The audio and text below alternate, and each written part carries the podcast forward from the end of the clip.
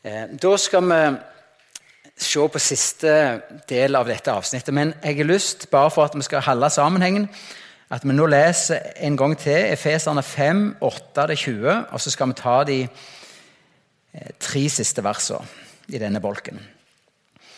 En gang var det sjølve mørker, men nå i Herren er det lys. Så lev som lysets barn. For frukten av lyset viser seg i alt som er godt, i rettferd og sanning. Prøv da, dokimatso, prøv da hva som er til glede for Herren. Ta ikke del i de gjerningene som hører mørket til, for de bærer ingen frukt. Avslør de heller. Det som slike folk driver med i løgn, er de skam bare å nevne. Men alt kommer for dagen når lyset får avsløre det og alt som kommer for dagen, er lys. Derfor heiter det:" Vakna, du som søv, stå opp for de døde, og Kristus skal lyse for deg. Pass derfor nøye på hvordan de lever, ikke som ukloke, men som kloke mennesker, så det nytter den dyrebare tida godt, for dagene er vonde. Vær ikke uforstandige, men forstå hva som er Herrens vilje. Drikk dykk ikke fulle av vin, det fører til utskeiing, men blir fulgte av Anden, og syng sammen med salmer og hymner og åndelige sanger. Syng og spill av hjertet for Herren. Takk alltid vår Gud og Far for alle ting i navn åt vår Herre Jesus Kristus. Her kommer det en fantastisk oppfordring til oss. Det er et nytt gresk ord, plerostai bli fulgt. Plerostai. Bli fulgt av Ånden. Og det er så utrolig oppbyggelig grammatikk i det greske verbet 'for å bli fulgt'. Plerustei. Og Det skal jeg dra dere igjennom. Jeg er sikker på, eller jeg er mest sikker på at du kommer til å bli oppmuntret av det. Eh, men før jeg gjør det, la oss dra trådene litt sammen. Vi er ikke i mørket, men vi er i lyset. Vi er lysets barn. Så la oss da leve som lysets barn. La oss avsløre mørket i vårt liv og vende oss vekk ifra det. La oss ikke ta del i de gjerningene som hører mørket, fra, hører mørket til, men la oss vende oss vekk ifra dem. La oss passe nøye på hvordan vi lever. Og det har to store velsignelser med seg å ta disse ordene i første del av dette avsnittet på alvor. For det første, og jeg vil si det viktigste vi gleder Jesus med det. Prøv hva som er til glede for Herren.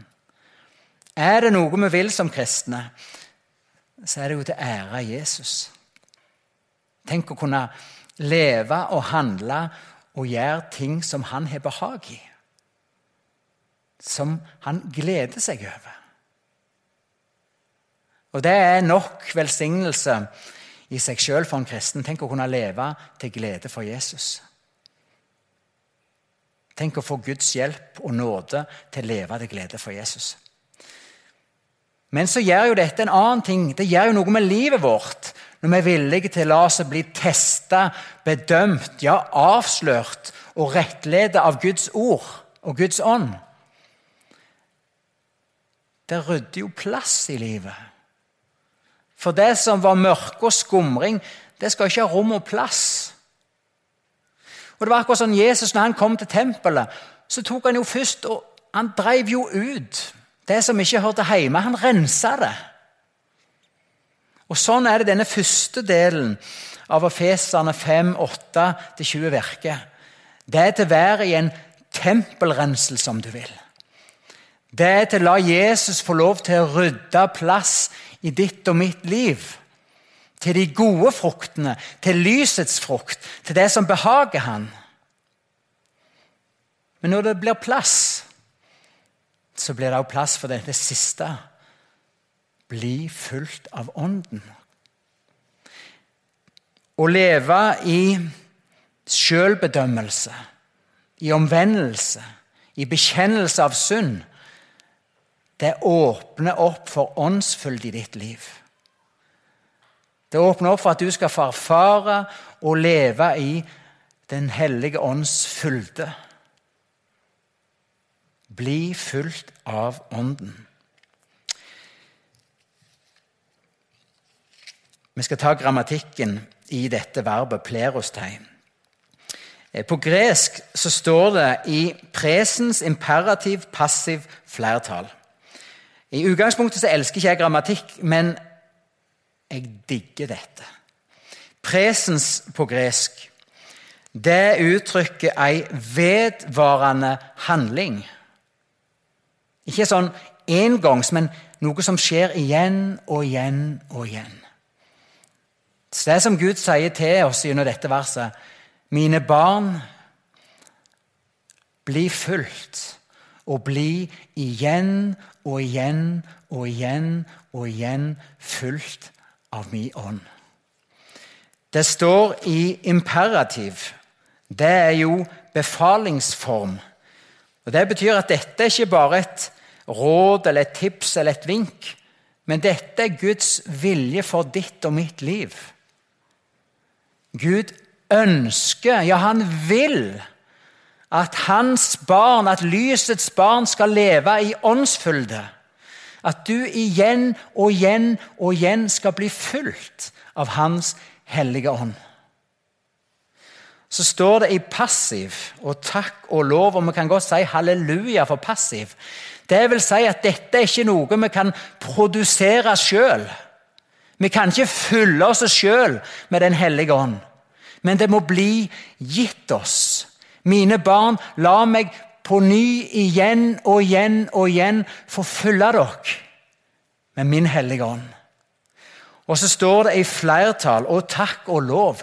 Dette gjaldt ikke lovsangslederen eller presten eller den utvalgte profet. Dette gjelder for all Guds folk. Mine barn, mitt folk, la meg igjen og igjen og igjen få fylle dere med min hellige ånd. Og Hva vil det si å være fulgt og bli fulgt av Den hellige ånd? Det er gjerne fremmed for mange av dere. Jeg har aldri hørt om sånt på bedehuset, sier gjerne noen. Ja, Kontrasten som Paulus bruker her, er jo kontrasten til å være fuglen på vin. Og nå er ikke det sentrale i det motsetningsbildet er ikke rusen. For å være fodle på vin fører til rus. Men poenget her er at å være fodle på vin fører til et liv i vinens makt, der tankene, gjerningene, til meg gangen vår ja, Der vinen gjennom blodet går ut i hele kroppen og preger alt i oss. Vi kommer i dens makt. Er du fodle på vin, så blir du beherska av vinen. Du blir preget av vinen. Og Som et motbilde for dette så er Guds vilje for sine barn og for sitt folk at vi skal være fulgt av Den hellige ånd. At vi skal leve liv som er preget, styrt, ledet av Guds hellige ånd. At han skal få makt over hendene våre, over føttene våre, over tankelivet vårt, over hjertet vårt, over viljen vår, over lidenskapen vårt. La meg på ny og på ny og på ny få fylle deg. Og Vi leser dette mange ganger i Bibelen. Da ble de alle fulgt av Den hellige ånd, står det. Og hva gjorde de etterpå? Jo, de gikk ut. De gikk ut av bønnemøtet, ut av huset, og så forkynte de om Guds storhet. Det skjedde på pinsedag. Da ble de alle fulgt av Den hellige ånd. Så gikk de ut og snakket om Jesus. Senere de blir forfulgt, de blir motarbeidet, de er samla i bønn. Det rister, og så blir de fulgt av Den hellige ånd, og så går de ut og deler Guds ord med frimodighet. Det gjør noe med måten en lever på. Det gir en ny frimodighet. Det setter føttene i bevegelse. Ta Peter som et eksempel. Han var livredd i påsken. Når Jesus ble arrestert og alt så ut til å bli lagt i grus, han fornekta at han kjente Jesus i møte med ei tjenestejente. Jeg kjenner ikke denne karen.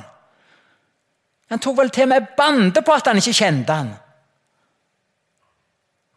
40 dager senere, eller 50 dager senere, på pinsedag, så er det en helt annen Peter.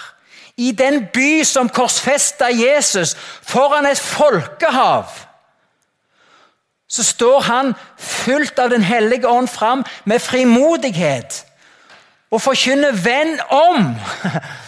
Han var ikke mye redd lenger. Han som dere korsfester, har Gud gjort til Messias og Herre. Vend om og la dere døype.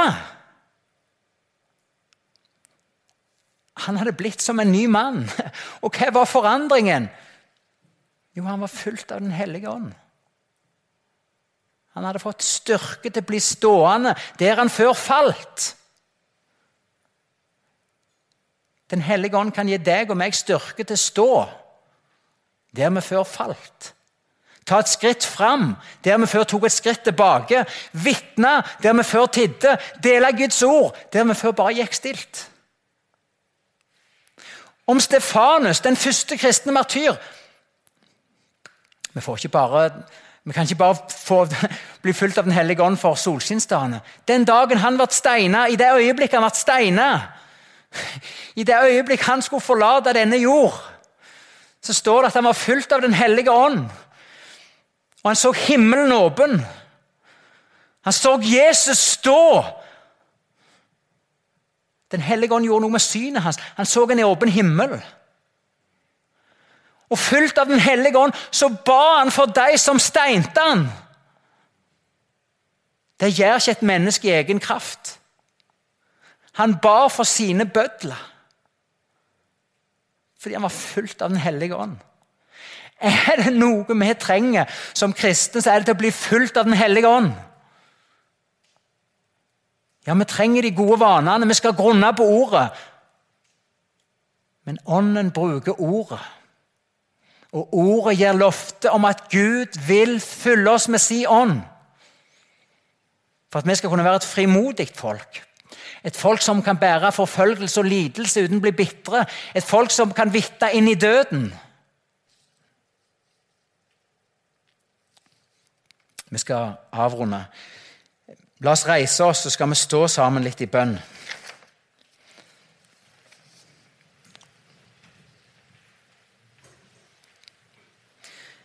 Nå vil jeg bare for at vi er mennesker med mange ulike sanser. og vi har lett for av og til å tenke hva tenker sier man osv. Jeg vil at vi alle skal lukke øynene, eller at dere alle skal lukke øynene. Eh, og så skal vi være sammen i bønn. For Guds ansikt nå så spør jeg i lys av de ord vi har hørt fra Efeserne 5. Eh, hvem av oss trenger å konkret bekjenne synd til Gud og eventuelt til mennesket. Du kan rekke opp ei hånd nå. Så bare ha, for, La henne forbli oppe, så skal det bli mange hender. Og Hvis du blir truffet av en annen ting som jeg nå nevner, så bare ta opp den andre hånden.